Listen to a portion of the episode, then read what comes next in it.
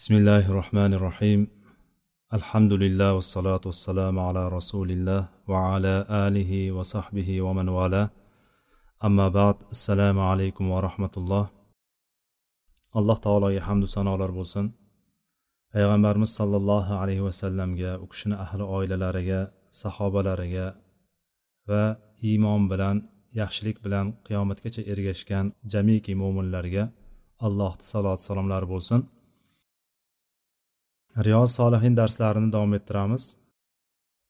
Biz sunnatni himoya qilishlik sunnatni muhofaza qilishlik va sunnatda va sunnatda kelgan odoblarga rioya qilishlik haqidagi bobda davom etayotgandik. Alloh taolo bu darslarimizni davomli va barakotli qilsin. Bir yuz oltmish oltinchi hadisga kelib to'xtagan ekanmiz. Bu bobni yettinchi hadisi ekan. Va anhu ya'ni undan oldingi hadisimiz abu musodan kelgan ekan oltinchi hadisimiz yana bu hadis bevosita o'shani davomi abu musodan rivoyat qilinyapti va anhu deb ketilyapti hadisda va anhu qol قال رسول الله صلى الله عليه وسلم إن مثل ما بعثني الله به من الهدى والعلم كمثل غيث أصاب أرضا فكانت طائفة طيبة فقبلت الماء فأنبتت الكلأ والعشب والعشب الكثير. وكان منها أجادب أمسكت الماء فنفع الله بها الناس فشربوا منها وسقوا وزرعوا. وأصاب طائفة أخرى إنما هي قيعان لا تمسك ماء ولا تنبت كلأ. فذلك مثل من فقه في دين الله ونفعه ما بعثني الله به فعلم وعلم ومثل من لم يرفع بذلك رأسا ولم يقبل هدى الله الذي أرسلت به متفق عليه حديث أبو موسى الأشعري رضي الله عنه دا رواية qilinyapti bu hadis muttafaqun alayh bo'lgan hadis buxoriy va muslimning ittifoqlariga ko'ra chiqarilgan sahiylik darajasida eng yuqori o'rinlarda turadigan hadis. Bu hadisda payg'ambarimiz sollallohu alayhi vasallam shunday deb marhamat qilyaptilar. Alloh taolo men bilan yuborgan hidoyat va ilm xuddi ko'p yoqqan yomg'irga o'xshaydi. G'oys ya'ni yog'gan shiddatli ko'p yog'gan yomg'ir. O'sha yomg'ir yerga tushganda yerlardagi farqlarni aytib ko'rsatyaptiki o'sha yerga yog'gan yomg'irga o'xshaydi. U yerlardan ba'zilari borki toifatun toyyiba u o'sha yerlardan bir qismlari borki toyyib ya'ni unumdor yerlar bor. Suvni o'ziga yutadi va o'sha yerdan ko'p o't o'lanlaru ko'plab o'simliklarni o'stiradi. Ikkinchi toifa yana bir yerlar borki yana bir qism yerlar borki u yerlar toshloq yerlar qattiq yerlar. Ya'ni suvni o'zida yutmaydigan faqat suvni o'zida tutib qoladigan va suvni to'playdigan yerlar bor. Alloh taolo o'sha suvlardan insonlarni foydalantiradi. Insonlar o'sha suv bilan foydalanadi ya'ni yerlar o'zida suvni tutib qoladi to'playdi suvlarni ko'llar hosil bo'ladi ko'lmaklar hosil bo'ladi. O'sha suvlardan insonlar foydalanadi undan ichadilar o'shan bilan hayvonlarini chorvalarini sug'oradilar o'sha suvdan olib turib ekinlarni ekadilar ekinlarni ekishlikda ziroatlarida foydalanadilar. Yana shunday bir yerlar borki u yerga yomg'irlar yoqqan paytda ularni holati qiyan deb kelyapti tep tekis yerlar bo'ladi. U na suvni tutadi o'zida ya'ni suvni to'plab qoladi na o'simlikni o'stiradi. Kelgan suv yo oqib ketib qoladi yoki yutilib ketadiyu lekin hech narsa bermaydi. Na u yerda suv to'planib odamlar foydalanishi mumkin yoki o'simlik o'sib chiqishligi mumkin.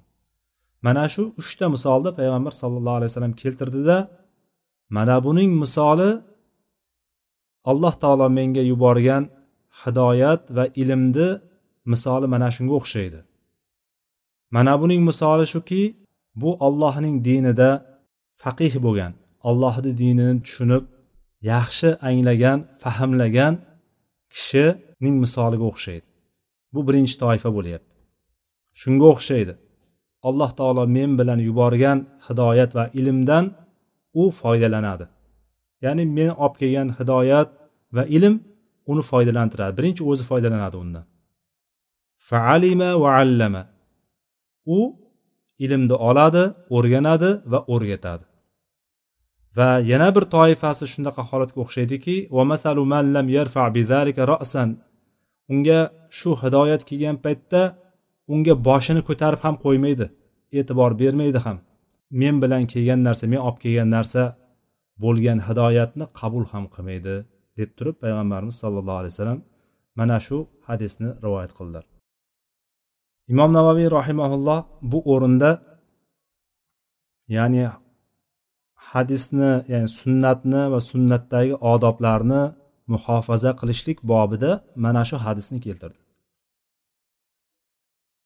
Bu yerda payg'ambar sollallohu alayhi vasallam misol bilan bizga tushuntirishga harakat qildi. Chunki ba'zan insonlarga misollar keltiradigan bo'lsa o'sha misollar tarzida agar aql yuritadigan bo'lsa o'sha misollar insonni tushunishligiga bir narsani tushunmayotgan bo'lsa o'shani tushunishligiga osonroq bo'ladigan tushunishligini yengillashtiradigan yo'llar bo'ladi. Qur'onda ham shuning uchun juda ko'p o'rinlarda misollar keltirilgan. Hasharotlar misol qilingan hayvonlar misol qilingan odamlarni ongiga osonroq yetib borishligi uchun. Oyatda alloh taolo aytadiki va tilkal amsalu nadribuha linnasi va ma yaqiluha illa alimun deydi ya'ni biz bu misollarni bu masalalarni biz odamlarga aytib beramiz. Nima uchun? Ibrat olsinlar uchun.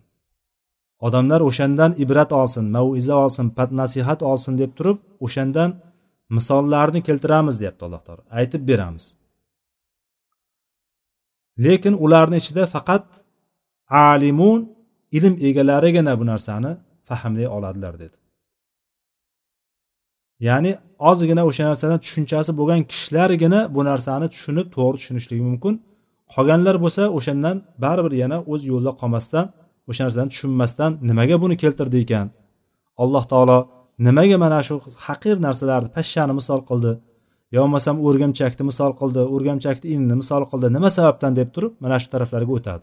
Lekin bu narsalardan aql egalari ilm egalari bu narsadan katta katta ibratlarni olishadi.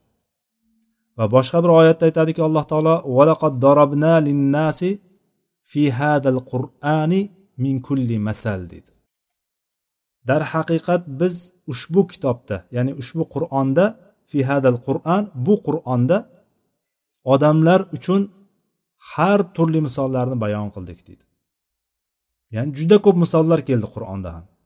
Buni birdan bir sababi o'sha oyatlardagi misollarni kelishligini sababi insonlar o'shani yaxshiroq tushunsin deb turib keldi bu.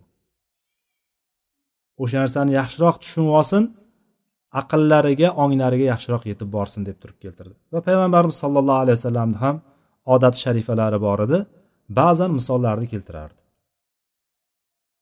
O'sha misollar bilan sahobalarga tushuntirardi va biz ummatga mana shuni tushuntirib ketardi. Mana shular jumlasidan mana bu hadis.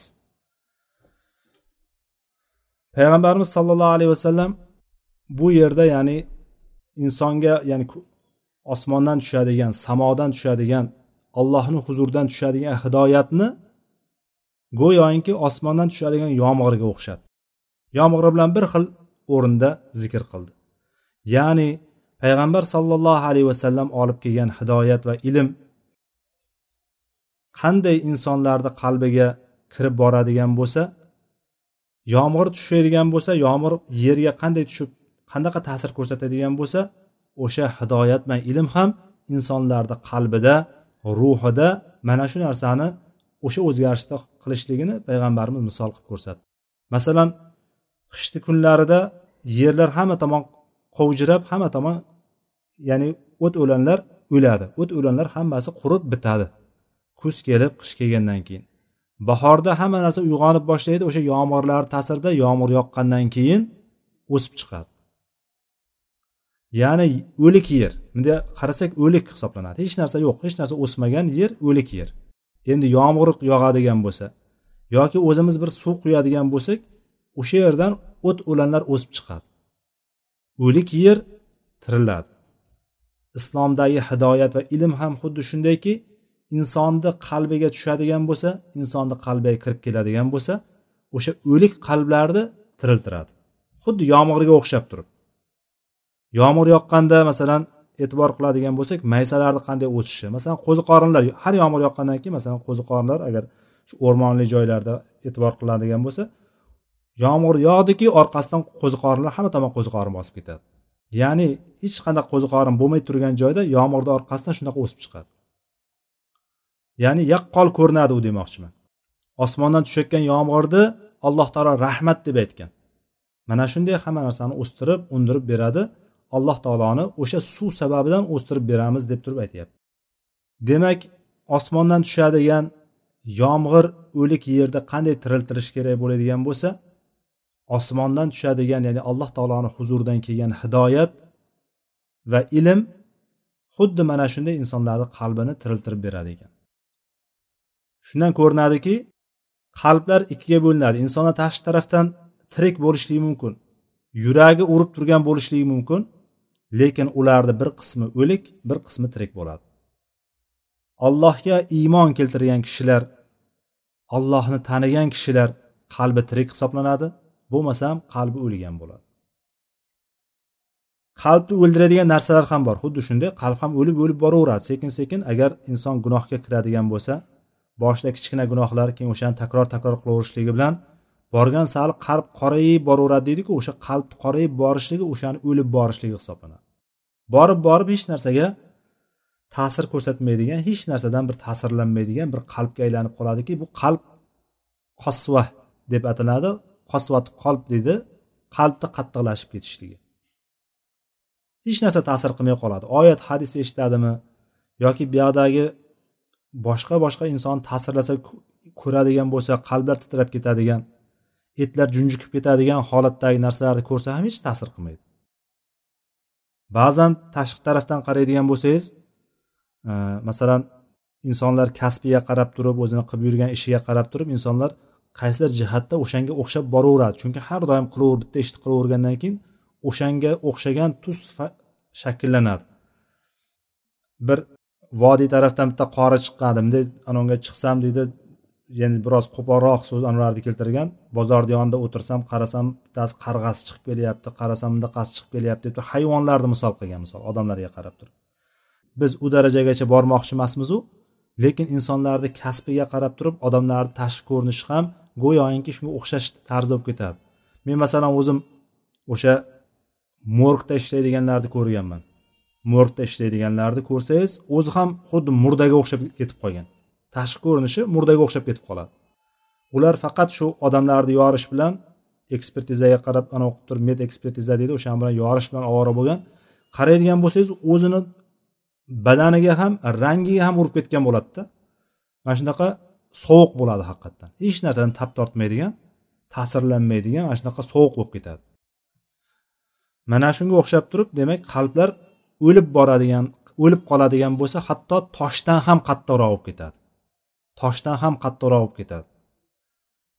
Tosh o'zi qattiq narsa biz bilganimiz tosh qattiq narsa lekin oyatda aytadiki shunday toshlar borki undan anhorlar otilib chiqadi deydi o'shandan anhorlar otilib chiqadi. Yana shunday toshlar borki o'sha toshlar yoriladi. O'sha toshlardan yorilib orasidan suv chiqadi. Yana shunday toshlar borki ollohdan qo'rqqanidan joyidan qulaydi. Tog'lardagi toshlar katta katta toshlar ollohni haybatidan ollohdan qo'rqqanidan o'sha joydan qulaydi. Ya'ni insonlarni qalbi bo'lsa mana shu toshchan ham toshchalik ham bo'lolmaydiki toshda ham ba'zilari bor ekan anhorlar otilib chiqarib beradigan ba'zilari bor ekan yorilib suv chiqadigan. Ba'zilari bor ekan mana allohdan qo'rqib turib qulaydigani bor ekan joyidan o'rnidan jilib qulab ketadigani bor ekan dumalab ketadigani bor ekan. Lekin insonlar qalbi agar qotadigan bo'lsa hech narsadan tap tortmaydigan bo'lib ketadi ekan. Alloh saqlasin bu narsadan. Shuning uchun qalblarni yumshatadigan narsalar qalblarni yumshatadigan narsalarga ko'proq e'tibor berishlik va o'sha narsa bilan o'zimiz bilan eng katta narsa ishlashimiz kerak bo'lgan eng katta narsa o'zimiz bilan ishlashimiz kerak bo'lgan bu gunohlardan tiyilishligimiz. Gunohni katta kichigini biz ajratmasligimiz kerak ana o'shanda biz to'g'ri yo'ldan ketamiz. Gunohni bunisi katta bunisi kichkina bunisi qilmasam bo'laveradi degan joyga keladigan bo'lsak ana unda biz eng katta xatoga yo'l qo'ygan bo'lamiz. Insonlarni ichida birinchi qavm bo'lar ekan demak hidoyat hidoyat mana hozir bilganimiz payg'ambar sallallohu alayhi vasallam hidoyatni olib keldilar ya'ni dinni olib keldilar shariat islomiyani olib keldilar da'vatni qildilar. Lekin da'vat yetib kelgandan keyin da'vatni qabul qiladiganlar toifalarga bo'linib ketdi. Da'vatni qabul qilganlarni ichida ham insonlar bo'linib bo'linib ketdi. Da'vatni qabul qildi insonlar. Musulmon bo'ldi lekin ularni ham hammasi bir xil darajada bo'ldimi? Yo'q. Bir xil darajada bo'lmadi ular ham. Ba'zilari shunaqa bir joyga keldiki alloh taolo ularni dinda dinni yaxshi tushunadigan qilib qo'ydi. Faquha fi dinillah dedi. Mana misolda hadisdagi misolda man faquha fi dinillah. Dinni juda yaxshi tushunadigan bo'lib qoldi. Buni misoli yuqorida bo'lgan unumdor yerga o'xshaydi. Yomg'ir kelgandan keyin birinchi o'zi foydalanadi. O'sha narsani yutadi suvni yutadida o'zi foydalanadi. Qurib qaqshab yotgan joy namlanadi. Ana undan keyin o'zidan o't o'lan o'stirib chiqaradi. O't o'lanlar o'stirib chiqadida bu o't o'lanlardan insonlar foydalanadi hayvonlar foydalanadi hamma narsa foydalanadi. Qushlar parrandalar darrandalar hammasi foydalanadi. Demak birinchi o'zi foydalanyapti va boshqani ham foydalantiryapti. Mana bu insonlarni unumdor yerga o'xshatilyapti. Insonlar yer insonlarni ichidagi mana shunday toifa kishilar dinni yaxshi tushungan kishilardir. Alloh taolo bu oyatda nima demoqchi? Rasululloh sollallohu alayhi vasallam bu hadisda nima demoqchi? Va o'shani asl mohiyati nima? Mana bu narsalarni yaxshi tushungandan keyin bilgan va boshqaga ham bildirgan ya'ni o'rganib boshqalarga ham o'rgatgan kishidir deyapti. Mana bu kishi eng unumdor yerga o'xshatilgan hadisda kelayotgan. Ikkinchi toifa insonlar bor. Ikkinchi toifa insonlar bor. Ular ilmni o'rgangan ya'ni hidoyat kelgan unga iymon keltirgan o'sha. Iymon keltirgan musulmon lekin musulmonchiligidan uni o'rgangan ilmidan o'zi foydalana olmagan kishilar bular. O'zlari foydalanay foyda ololmay qolgan kishilar. Boshqalarni foydalantiraveradiku boshqalarni foydalantirgan foydalantirganu lekin o'zi qolib ketgan bu yoqda. Ya'ni hadis oyatlarni sizga aytib beradi sizga fiqni o'rgatadi boshqani o'rgatadiku lekin o'zini hayotiga qaraydigan bo'lsangiz hamma tomoni qo'pol qilib aytadigan bo'lsa dabdalasi chiqib yotibdi. Tazkiyatun nafs o'zini nafsini poklashlik gunohlardan poklashlik o'zini o'gnashlik xulq atvor deysizmi farzand tarbiyasi deysizmi oila deysizmi yoki kasb qilishlik deysizmi bunday qaraydigan bo'lsangiz bu tarafi hamma tomoni rasvosi chiqib yotgan bo'ladi. Lekin uni boshqa bir tarafi bor odamlar undan foydalanib turibdi. U ham qaysidir jihatda foydalantiryapti lekin birinchi toifadan ko'ra birinchi insonlar ya'ni o'zi foydalanyapti birinchi keyin boshqalarni ham foydalantiryapti. O'shalardan bitta pastdagi kishilar lekin bularda ham iymon bor. Ikkinchi toifada ham iymon bor. Hidoyatni qabul qilyapti o'zida saqlab turibdi lekin bu o'zida saqlab turibdi. Kelgan hidoyat ilmni saqlab turibdida o'zi ichmayapti o'sha suvdan boshqalarga ichiryapti foydalanyapti. Mana hadisda kelganda insonlarni foydalantiryapti. Insonlar undan ichyaptilar hayvonlarni sug'oryaptilar ziroatlarini ekin tekinlarni o'sha suvdan foyda o'sha suvlarni quyyaptilar o'sha ekin tekinlarni o'stiryapti. Shu bilan lekin bu yoqda o'zi demak biz bu toifadan emas birinchi toifadan bo'lishlikka harakat qilishligimiz kerak ekanki o'rganib o'rgatuvchi va o'zimizni hayotimizga tadbiq qiluvchi bo'lishligimiz kerak. O'zimizni hayotimizga tadbiq qiluvchi bo'lishligimiz kerak. O'shanga qarab turib harakat qilishligimiz kerak. Bu hadisdan ko'zlangan asosiy maqsad ham mana shu. Imom navaviyni ham bu o'ringa keltirishlikdan maqsadi shu. Payg'ambarimiz sollallohu alayhi vasallamni olib kelgan hidoyatiga hidoyati mana shunday bir narsa. Ilm sunnat mana shunday narsaki undan kim o'sha narsani o'rganib o'zi foydalanib hayotiga tadbiq qilib amal qilib o'rganib amal qilgandan keyin o'sha narsani ma'nosini tushungandan keyin va boshqalarga o'rgatadigan bo'lsa o'sha payg'ambar sallallohu alayhi vasallamni yo'llaridan yurgan payg'ambar sallallohu alayhi vasallam sunnatiga eng yaqin bo'lgan kishi shu bo'ladi.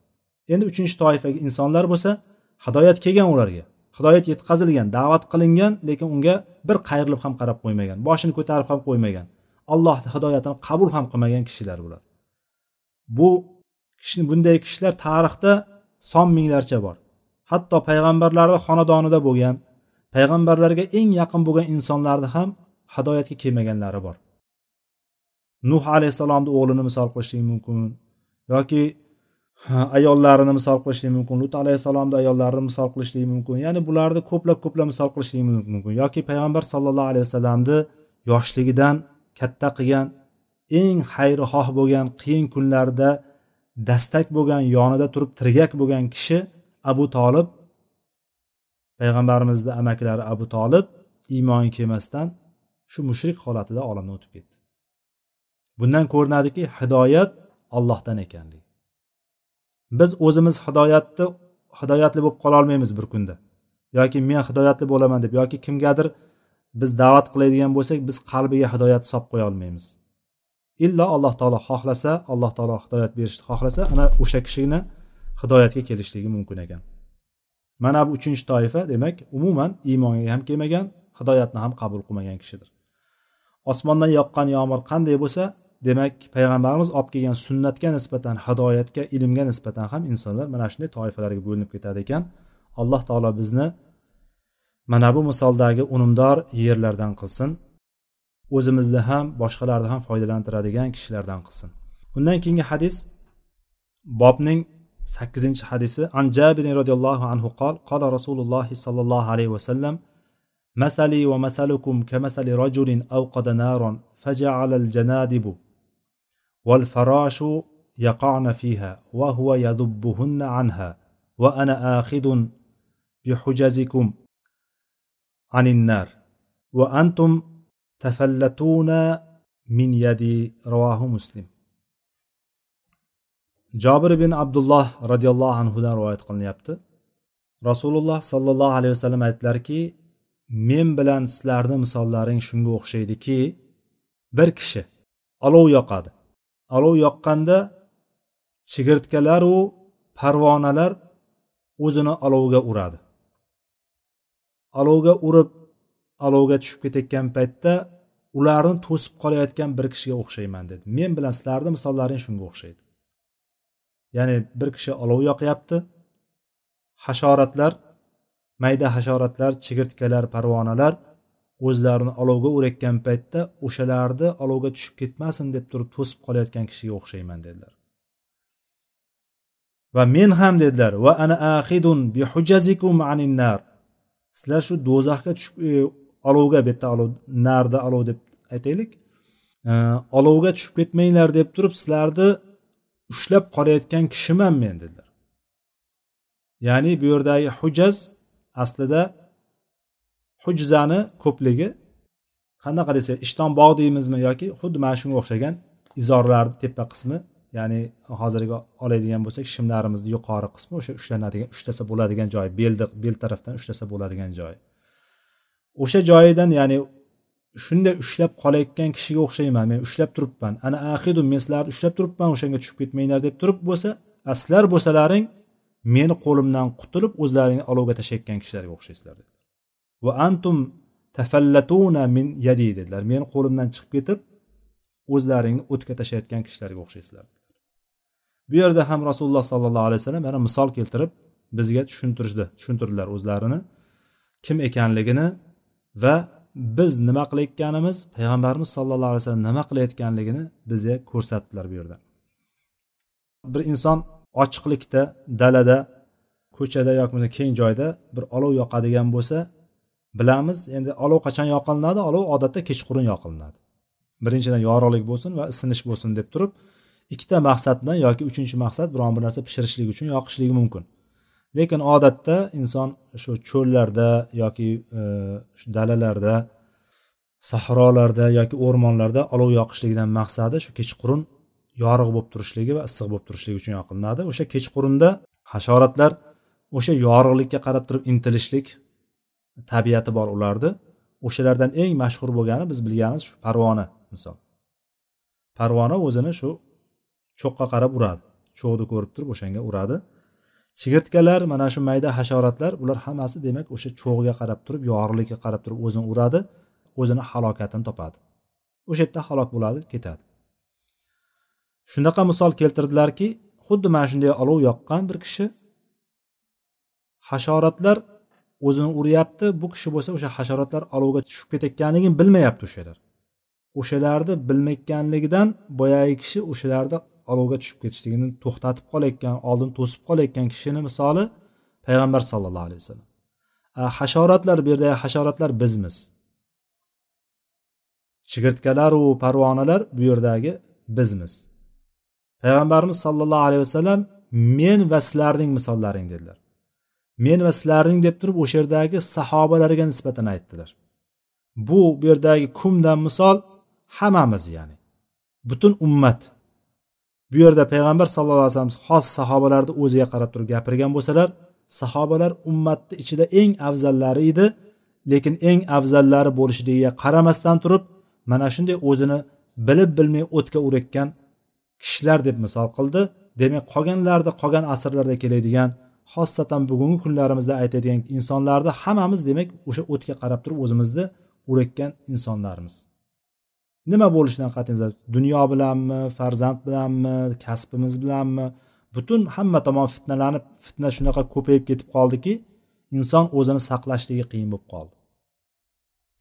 O'shanday qilib turib o'tga uryapmizu lekin payg'ambar sollallohu alayhi vasallamni qaranglar shundaqa ummatga bo'lgan xayrixohliklari ummatga bo'lgan g'amlari ummatni shunchalik yaxshi ko'rganliklari hatto o'layotgan soatlarida ham jon taslim qilayotgan soatlarda ham ummatim ummatim ummatim ummatimni holati nima bo'lar ekan?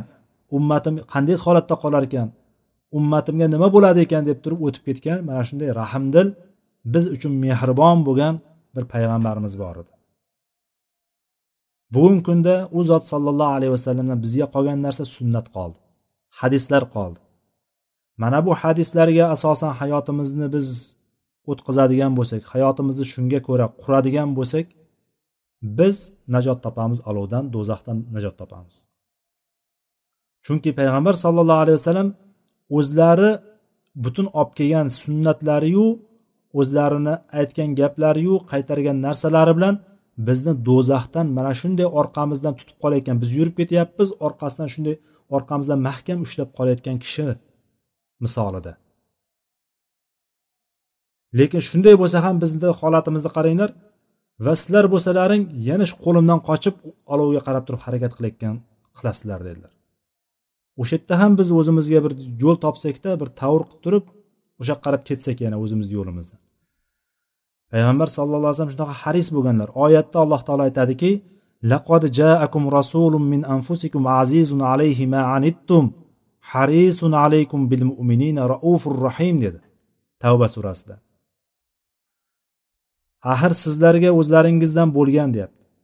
Sizlarni bir qiyinchilik mashaqqat chekishlaringdan qiynaluvchi ya'ni bizni qiyinchiligimizdan qiynaluvchi biz bizni ko'rib ya'ni bizdagi mashaqqatlarni ko'rib turib bizdan ko'ra u kishi ko'proq qiynalgan. Bizni ko'proq o'ylagan.